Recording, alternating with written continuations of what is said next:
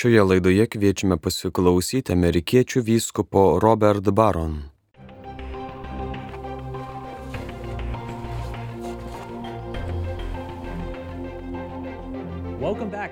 Sveiki sugrįžę į laidą Ugnie žodis. Aš esu Brendonas Votas, laidos vedėjas ir What on Fire vyresnysis leidybos direktorius. Praėjo Vatikano antrojo susirinkimo atidarimo metinės, tačiau ir praėjus šešiems dešimtmečiams galime pasakyti, kad susirinkimas buvo sėkmingas, ar jis patyrė nesmėkę, ar buvo kažkas tarpinio. Daug žmonių diskutuoja apie Vatikano antrojo susirinkimo aktualumą ir išliekamąjį poveikį. Ir šiandien šį pokalbį tęsime su vyskupu Robertu Baronu. Vyskupė, malonu būti kartu su jumis. Sveiki, Brendonai, visada malonu jūs matyti. Noriu jūsų paklausti tai, ko visada mėgstu klausti, būtent kokias knygas skaitote. Vienu metu skaitau daug knygų, šiuo metu skaitau ką tik išleistą Meto Leveringo knygą Žodis ugnyje apie Newmaną, skirtą doktrinos sugedimui. Tipiška Leveringo knyga, tikrai gera, kropšti, rimta mokslinė knyga. Jis ir aš abu mėgstame Newmaną, todėl skaitau šią knygą. Todėl skaitau apie viduramžių filosofiją, tai istorija. Ji vadinasi Filosofija be spragų. Taigi jis apriepia absoliučiai visus autorius, bet man tai patinka. It's called Philosophy Without Gaps, so he's like covering absolutely everybody. But I'm enjoying that. Um, I just finished John McGreevy. Ką tik baigiau John McGreevy knygą apie katalikybės istoriją nuo Prancūzijos revoliucijos iki naujų laikų. Ji gera. Taigi skaitykite jį kartu, tarkim, su Džordžu Veigeliu apie Vatikano antrojo susirinkimą ir gausite tarsi centro kairės ir centro dešinės santyki. Ką dar? Ketinu pereiti prie Chestertono, apie Akvinietį ir Pranciškų, nes ruošiuosi Chestertono susitikimui kitą vasarą. Jie paprašė manęs kalbėti apie Švento Pranciškaus knygą. Ketinu ją pasiimti su savimi į Čikagą kitos kelionės metu. Šiaip ar taip tai keli dalykai, kuriuos skaitau. So you sent that to me. I'm going to bring that with me to um, uh, Chicago on my next trip. Anyway, those are a few things I'm reading. Žinau, kad kai buvote Kalifornijoje, labai daug važinėdavote automobiliu. ir vienas iš dalykų, kuriuos darydavote, tai klausydavotės audio knygų. Gal šiuo metu klausotės kokios nors audio knygos? Dabar aš jų klausau rečiau, nes man neteko tiek daug važiuoti į ilgas keliones, buvo kažkas, ko klausiausi. Gavau Žoržo Bernanoso kaimo klebono dienoraštį, kurį bandžiau perskaityti prieš daugelį metų, taigi pasėmiau į automobilyje. Dar turiu Boecijos filosofijos pagodą. Prisipažinsiu, esu filosofijos magistras, bet niekada nebuvau skaitęs Boecijos. Niekada neskaičiau filosofijos pagodos, todėl klausausi jos automobilyje. Jame yra visas tas fortūnos ratas, apie kurį dažnai kalbate. Tai iš Boecijos tiesa. Taip, tikrai tiesa.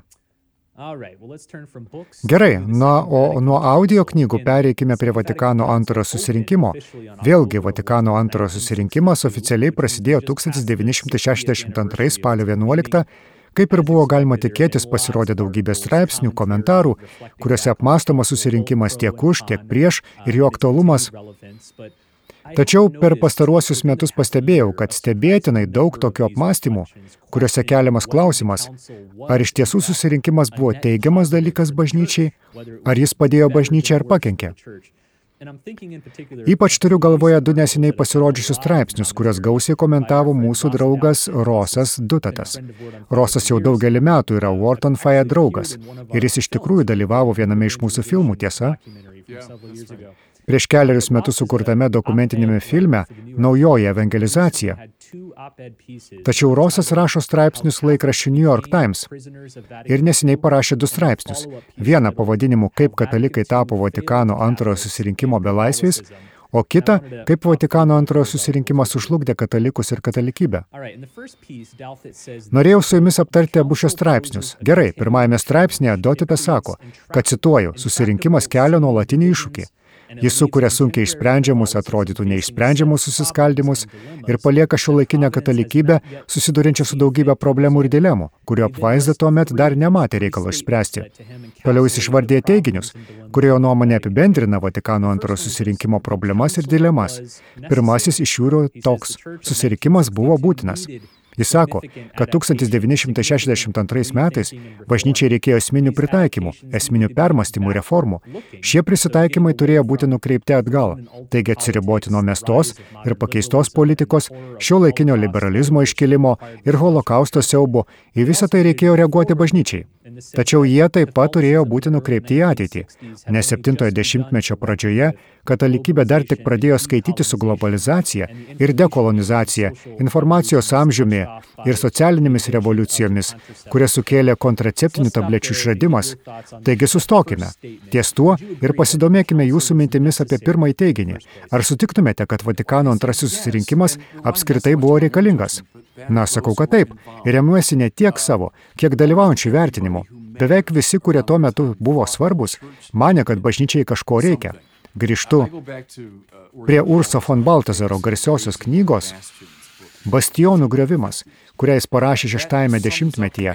Tai apibendrina daugelio žmonių požiūrį į 20-ojo amžiaus vidurio katalikybę, kad esame pernelyg gynybiški, tarsi pritūpę už savo viduramžių sienų, kad mūsų filosofinė sistema tarsi paslaptinga ir pasenusi, ir kad norint įsitraukti į dialogą su šio laikiniu pasauliu, o tai yra pagrindinis Vatikano antrojo susirinkimo rūpestis, norint įsitraukti į šio laikinį pasaulį, reikia atlikti tam tikrus mąstymo ir praktikos pakeitimus.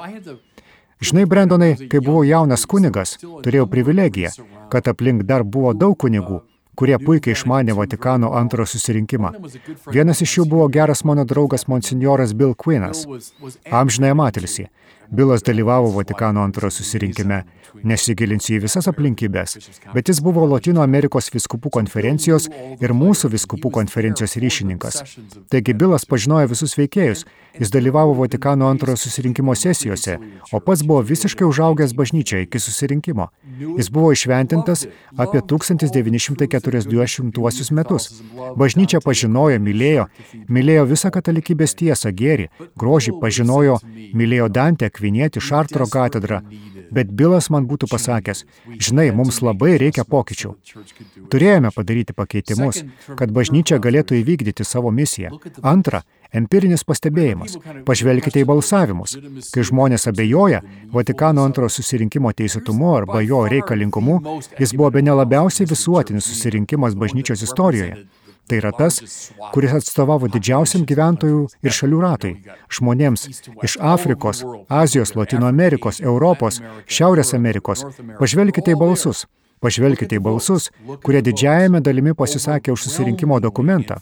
Akivaizdu, kad didžioji dauguma Svarbiausia to meto bažnyčios vadovų mane, jog šie tono, elgesio tam tikro mąstymo pokyčiai turi vykti tiesa. Taigi sakyčiau, taip empiriniai įrodymai yra aiškus. Aš pasitikiu žmonėmis, kuriuo tuo metu ten buvo. Jie nusprendė, kad tai buvo būtina.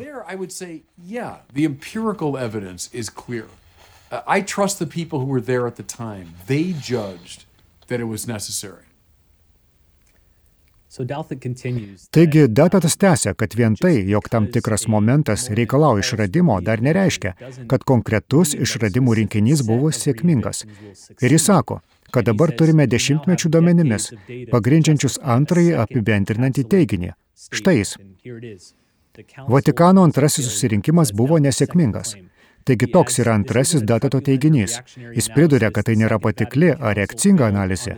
Vatikano antrojo susirinkimas žlugo tokiamis sąlygomis, kokias iškėlė jo patie šalininkai. Jis turėjo padaryti bažnyčią dinamiškesnę, patrauklesnę šio laikiniam žmonėms, evangeliškesnę, netokią uždarą užsisklendusią ir savanaudišką. Jis nepadarė ne vieno iš šių dalykų. Po Vatikano antrojo susirinkimo bažnyčia išgyveno nuosmukį. Visur išsivyščiame pasaulyje valdant tiek konservatyviems, tiek liberaliems popiežiams. Tačiau nuosmukis buvo sparčiausias ten, kur susirinkimo įtaka buvo didžiausia. Ar sutiktumėte su teiginiu, kad susirinkimas buvo nesėkmingas? Ne, taip nesakyčiau. Manau, kad prieš keliarius metus Džordžas Vaigelis iškėlė šį klausimą apie bet kokį susirinkimą, kurį galima įvertinti pagal jo dokumentus ir mokymą. Mes tikime šventosios dvasios vadovavimu. Taigi, Negalima sakyti, kad šie susirinkimai sako etiškus dalykus, bet vis dėlto galite paklausti, ar tai buvo sėkminga. Pagalvokite apie garsųjį penktą Laterano susirinkimą prieš pat reformaciją. Tai yra garsiausias susirinkimo pavyzdys, kuris akivaizdžiai nepavyko, nes iškart po jo sekė protestantų reformacija. Taigi taip, susirinkimas gali būti nesėkmingas, jei gali nepavykti pasiekti tuo, ko jis norėjo pasiekti. Ir aš duosiu abejonių, kad jo ten visiškai padaryti. Tai sakiau daug metų sekdamas kardinol George ir kitais. Tai buvo misionieriškas susirinkimas, turėjęs mūsų evangelinių įtikinamų būdų išvesti į šio laikinį pasaulį. Jis norėjo sugražinti daugiau žmonių į mišes, jis norėjo atgaivinti mišes, jis norėjo atvesti žmonės prie krikščioniško gyvenimo šaltinio ir viršūnės, be to jis siekė ekumeninės vienybės, Tai pagrindinis rūpestis. Skaitykite Konegaro dienoraščius, skaitykite Deliubachą, skaitykite visus svarbiausius Vatikano veikėjus, skaitykite Ratzingerį. Jis desperatiškai norėjo suburti į vienybę suskilusi Kristaus kūną. Visi geri ir kilnus dalykai gražiai suformuluoti dokumentuose. Taip sakyčiau. Bet vakaruose mes žiūrime Europą ir Šiaurės Ameriką, Australiją. Pastebime šį radikalų atsiskyrimą. Žmonės masiškai palieka bažnyčią in the West, we're looking at Europe and North America, Australia.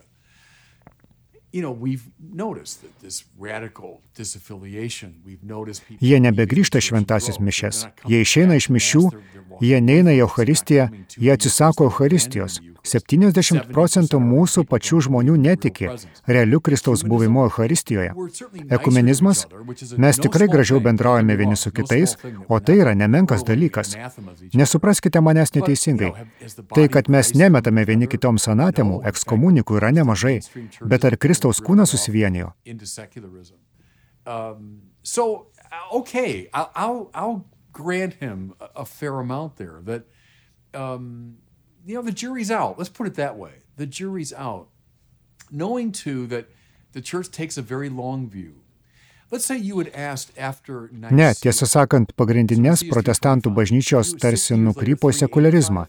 Taigi manau, kad tikrieji vaisiai dar nepaaiškėjo. Sakykime taip, bažnyčia žvelgia labai toli. Įsivaizduokite, jog klaustumėte po Nikėjo susirinkimo. Taigi, Nikėjoje yra 325 metai. Jei jūs praėjus 60 metų, 385-aisiais paklaustumėte, ar Nikėja buvo nesėkminga. Dauguma mąstančių žmonių tuo metu tikriausiai būtų atsakę tikrai taip. Laikotarpis po Nikėjos paženklintas nepaprastu bažnyčios gyvenimo susiskaldimu. Well, I mean, we recite the Nicene Creed every single Sunday at Mass because it was such a resounding success. Tačiau žmonių tuo metu tikriausiai būtų atsakę tikrai taip. Kas yra Jėzus Kristus? Pažvelkite į švetąjį Atanazą, kuris ne vieną, ne du, o tris kartus buvo priverstas vykti į trempį. Didelė dalis krikščioniškojo pasaulio buvo vadovaujama Arionų viskupų. Taigi, praėjus 60 metų po Nikėjos, sėkmė ar nesėkmė? Manau, dauguma žmonių pasakytų, kad tai buvo nesėkmė. Ką mes sakome dabar? Na, noriu pasakyti, kad kiekvieną sekmadienį per mišę skaitome Nikėjos Konstantinopolio tikėjimo išpažinimą, nes tai buvo tokia didžiulė sėkmė. Noriu pasakyti, kad mes mastome dešimtmečiais, žvelgiame labai toli. Ar po kurio laiko Vatikano antrojo susirinkimo vaisiai bus aiškiau matomi? Taip, taip galbūt. Štai dar kai kas, Brendonai, nori maišyti šią mišrainę. Galbūt klausimas užduotas neteisingai. Kodėl bent jau vakaruose buvo toks pasipriešinimas Vatikano antrojo susirinkimui? Štai bažnyčia ragina mus geriems dalykams. Evangelizacijai, kreipimusi į šio laikinį pasaulį, žmonių sugražinimui į mišes, jų sugražinimui prie Biblijos, jų sugražinimui prie Biblijos, tikinčių pasauliečių vaidmenį pasaulyje, kad pertvarkytų visuomenę. Tai visi geri dalykai, tiesa. Tai kodėl jiems buvo priešinamasi? Kitaip tariant, pakeisiu klausimą. Nekaltinkite susirinkimo sakydami. Tas susirinkimas, kokia tai buvo klaida, kokia nesėkmė. O gal klausti kitaip? Klausykit, pasauliečiai, aš esu vyskupo kunigas. Kaip atsitiko, kad mes priešinomės? Pažiūrėkite, kaip šiandien kairieji priešinasi Vatikano antro susirinkimui. Jie nenori skaityti, Vatikano antrojo susirinkimo dokumentų, jie nori Vatikano ketvirto susirinkimo tiesa. Konservatoriai nenori skaityti. Vatikano antrasis susirinkimas buvo papiktinimas. Jiems tai buvo eretiškas išsišokimas. Kodėl vakaruose neįsiklausėme į šios didingus tekstus? Dabar galime tyrinėti daugybę priežasčių. the effectiveness on the council on America or the West. Without considering the church as a universal church. And as you said, in, in Africa and Asia. Kitaip tariant, gal pakeisiu klausimą, nekaltinkite susirikimo sakydami, kad tai nesėkmė. Vatikano antrojo susirinkimas buvo papiktinimas, jiems tai buvo eretiškas išsišokimas. Taigi leiskite tai mesti iššūkį Rosui Dotatui, kad galbūt tai jo neteisingai užduotas klausimas, ar susirinkimas yra sėkmė ar nesėkmė. Prisimenu kalbėjusi su draugais amerikiečiais apie Vatikano antrojo susirinkimo veiksmingumą. Žvelgdami per vakarų prizmę, dažnai matau, kad vertindami susirinkimą jie daro dvi labai rimtas klaidas. Jauna bažnyčia yra pietuose ir jodaodė ir jį ten iš tiesų klesti. Ir taip tai yra Vatikano antrojo susirinkimo bažnyčia. Taigi manau, kad tai labai svarbus dalykas. Kalbant apie pirmą jūsų punktą, aš dažnai naudodavau, kai dėstydavau Mendelėino seminarijoje apie loginės klaidas ir kai kalbėdavau apie post hoc ergo proctor hoc, lietuviškai po to vadinasi dėl to. Visada naudojau Vatikano antrojo susirinkimo pavyzdį. Visą laiką žmonės sako, pažiūrėkite tą baisų nuosmukį, kuris įvyko po 1965-ųjų. Na, vadinasi, tai dėl susirinkimo, tai loginė klaida.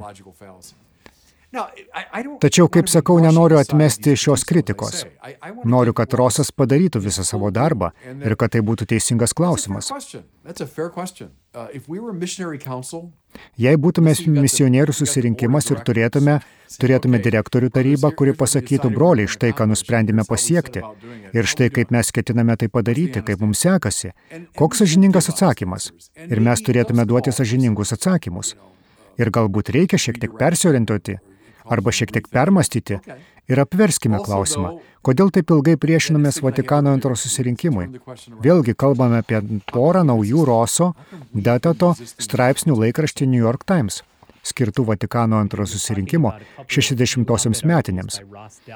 Rosas pateikė tris apibendrinamosius teiginius, kuriuose apibendrino jo nuomonę Vatikano antro susirinkimo problemas ir dilemas. Pirmasis teiginys buvo tas, kad susirinkimas buvo būtinas. Antrasis teiginys, kad susirinkimas buvo nesėkmingas. Mes ką tik apie tai kalbėjome. Dabar pažvelkime į trečiąjį. Susirinkimo negalima atšaukti. Sakydamas tai, sako jis neturėjo menyje, kad mišios niekada negali grįžti prie lotynų kalbos arba kad įvairios posusirinkiminės katalikybės apraiškos yra neišvengiamos. Tiesiog noriu pasakyti, kad nėra paprasto kelio atgal. Nei tokia turtinga, paveldėta katalikiška kultūra, kuri tebe egzistavo iki 20 amžiaus vidurio, nei moralinė ir doktrininė sintezė, paženklinta neklystamumo ir nuoseklumo pažadu. Pasak jo, Net jei susirinkimo pakeitimai oficialiai nepakeitė doktrinos, kad perrašytų ir atnaujintų tiek maldų ir praktikų, neišvengiamai privertė eilinius katalikus susimastyti, kodėl autoritetui staiga paskelbusiam, kad jis klysta daugelie skirtingų sričių, vis dar galima patikėti kalbėti paties Jėzaus Kristaus vardu. Na, čia daug dalykų. Tiesą sakant, apie kiekvieną iš jų galime parengti visą laidą. Dėl paskutinio nežinau, ar taip yra. Kad dėl kai kurių pokyčių, tarkime, dėl praktikų atnaujinimo mes praradome bet kokį patikimumą. Nežinau, ar taip yra. Visiškai suprantu, Prisiminkime Mary Douglas, didžiąją anglų sociologę, kuri pikdžiugiškai komentavo penktadienio žuvies reglamento pakeitimą, kad tai buvo kokia katalikų gyvenimo kokybė apibrėžianti savybė, kad kai tiesiog naktį, per naktį išnyko, tai kažką padarė su kolektyvinė katalikų psichika. It did something to the, to the collective psyche of Catholics. Apie tai kalbėjo labai daug mano pažįstamų kunigų. Išpažintis neišnyko pamažu, išpažintis tarsi nukrito nuo olos. Ji buvo stipri, o paskui staiga ji paprasčiausiai nunyko. Taigi čia yra kažkas tokio, kur galbūt mes netinkamai elgiamės su tuo, kaip tie dalykai buvo daromi ir tai sukėlė žmonių psichikoje sumaištį. Aš tai suprantu, bet nežinau, ar jūs sakote, kad dėl to buvo pakirstas pasitikėjimas visa bažnyčia. Prieš keliarius metus nuėjau pas mamą ir sakau, mama, ar tu kada nors norėtum grįžti prie tokių mišių, kokios buvo? Juk pirmieji kokie 50 jos gyvenimo metų prabėgo senosiuose mišiuose. Ir jie atsakė, o ne, man patinka tokios mišios. Kokios yra, aš suprantu, kas vyksta. Ir tai buvo paprastas labai pamaldžios katalikės atsakymas. Nemanau, kad tas pasikeitimas paskatino mano mamą pasakyti, kad aš nebetikiu bažnyčios autoritetu arba kad bažnyčia nebegali kalbėti moraliniais ir doktriniais klausimais. Ji tai priemė ramiai. Manau, kad jis visiškai teisus dėl to, kad mes negalime grįžti atgal. Prisiminkime kardinolą Džordžą. Jis sakydavo, kad kartais konservatoriai daro klaidą, tapatindami katalikybę su tam tikra 20-ojo amžiaus vidurio katalikybės forma. Mūsų šalyje buvo, tarkime, gyvybinga, gyvybinga katalikiška parapija su keturiais kunigais, klebonie, vienuolėmis, mokykloje ir tam tikra integruota gyvenimo forma. Tai buvo visokių kultūrinių ir religinių įtakų produktas. Ar mes tiesiog tapatiname tai su katalikybė? Tai buvo. Ir mes tai praradome. Kitų katalikybė tai sakramentai.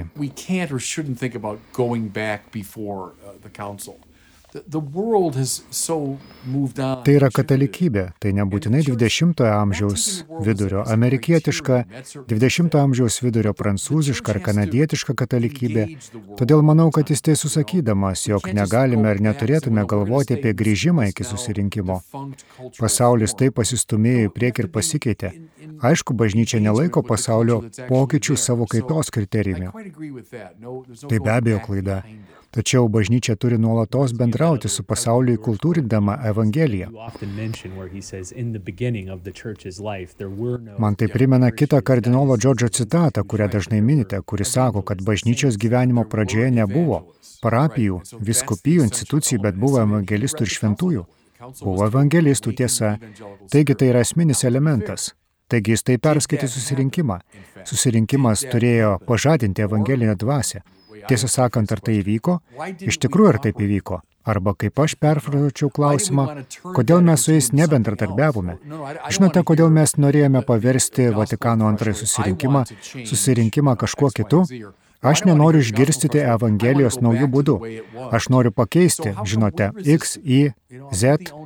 Aš nenoriu girdėti Evangelijos naujai. Noriu grįžti prie to, kai buvo. Tad kaip nutiko, kad mes taip priešinomės? Žinote, aš užkrausiu atsakomybę mums. Užbaigsime, kaip Rosas Datato užbaigė savo straipsnius. Jis sako, kad galiausiai katalikų bažnyčios reikalas yra gelbėti sielas, tarnauti Jėzui Kristui, atskleisti Dievo buvimą per šventumą ir grožį.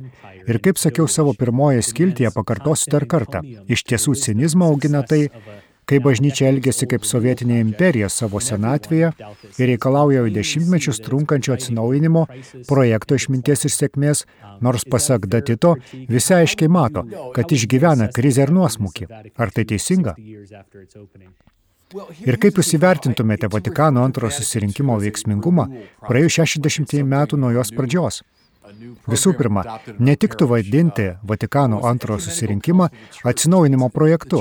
Tarsi tai būtų kažkas, žinote, nauja programa, kurią prieėmėme savo parapijoje. Ne, tai buvo visuotinis bažnyčios susirinkimas, o tai reiškia, kad bažnyčia veikia aukščiausių įmanomų savo autoriteto lygmenių. Tai visuotinis susirinkimas, kuriam vadovauja popiežius.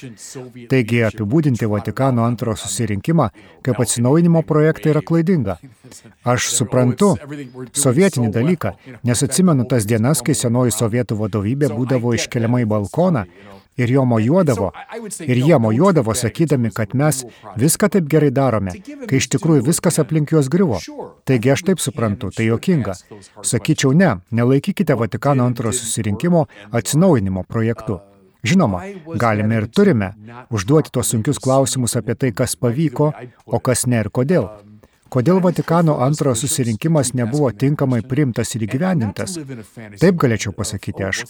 Ir būtų gerai, kad mes viskupai nuolat užduotume tą klausimą. Ir būtų gerai, ir negyventi fantazijų šalyje sakant, o argi Vatikano antrojo susirinkimas nebuvo tiesiog nepaprastai nuostabus visais atžvilgiais ir visais savo padariniais. Nemanau, kad visa tai turėtume būti realiai. Pagrindinis mano principas yra tas, kad viskas, kas padeda jums užmėgsti ryšį su būtimi, padeda jums labiau užmėgsti ryšį su Dievu, nes Dievas yra pati būtis tiesa. Taigi visa, kai pradedate gyventi fantazijų pasauliuose, ir tai jis turi omenyje, kalbėdamas apie sovietinį dalyką, žinote, viskas gerai. Tiesiog nekreipkite dėmesio į chaosą už manęs. Na, tai jūs tolstate nuo Dievo. Ir taip tikrai, mes bažnyčios vadovai ir visi bažnyčios žmonės turėtume užduoti šios klausimus. Aš Tai sakau, Brendonai, kad ši Vatikano antro susirinkimo svajonė dar neišsipildė. Ir sakiau apie tai pasauliečių vaidmenį, apie biblinį atsinaujinimą, apie liturginį atsinaujinimą, apie moralinio gyvenimo, moralinio mokymo atsinaujinimą.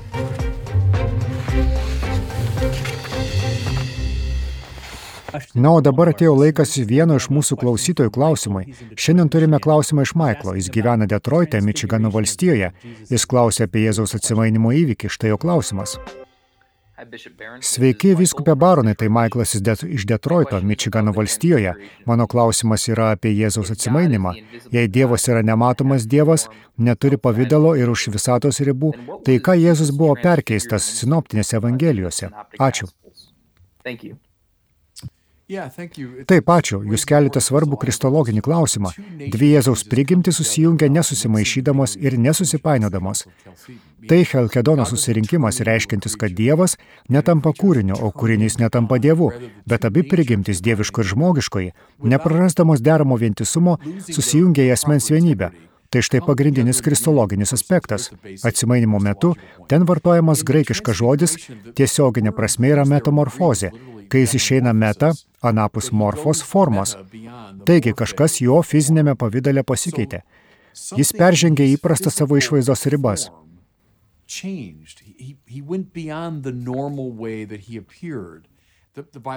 Biblijoje kalbama apie tai, kad jo drabužiai tapo akinamai balti, kad jo veidas tapo akinamai baltas ir panašiai. Apie taboro šviesą kalba teologai. Taigi, kad ir kas tai buvo, tai buvo jo žmogiškumo, regimo aspekto pasikeitimas. Taigi tai nebūtų paveikę jo dieviškumo, nebūtų taip tarsi jis virstų nematomų dievų. Jo žmogiškumo fizinė forma perkeista, dabar jie atrodė išaukštinta. Būtent tai ir įvyko tabore in a, in a heightened way. Kągi, ačiū už puikų klausimą, Maiklai, o likusiems klausytojams, jei turite klausimų ir norėtumėte juos užduoti vyskupui, mes visada esame pasiruošę juos priimti. Na, o baigiant pokalbį, noriu padrasinti klausytojus. Jei dar neskaitėte Vatikano antrojo susirinkimo dokumentų, dabar būtų geras metas tai padaryti. Praėjo 60 metų nuo. O su ugnies žodis tarnystė parengėme žodį, knygą, siekdami padėti žmonėms perskaityti ir suprasti jo dokumentus. Vadiname rinkiniu žodis ugnyje Vatikano antrojo susirinkimas. Taip pat toje svetainėje rasite visus vyskupo Berono vaizdo įrašus ir straipsnius apie Vatikano antrojo susirinkimą, kad galėtumėte dar labiau įsigilinti. wordonfire.org Vatican 2 Labai ačiū, kad klausėtės ir susitiksime kitą kartą laidoje Ugnie žodis. Šioje laidoje kalbėjo amerikiečių vyskupas Robert Baron tema Ar antrasis Vatikano susirinkimas buvo klaida. Įrašas iš tinklalaidės Word on Fire. Likite su Marijos radiju.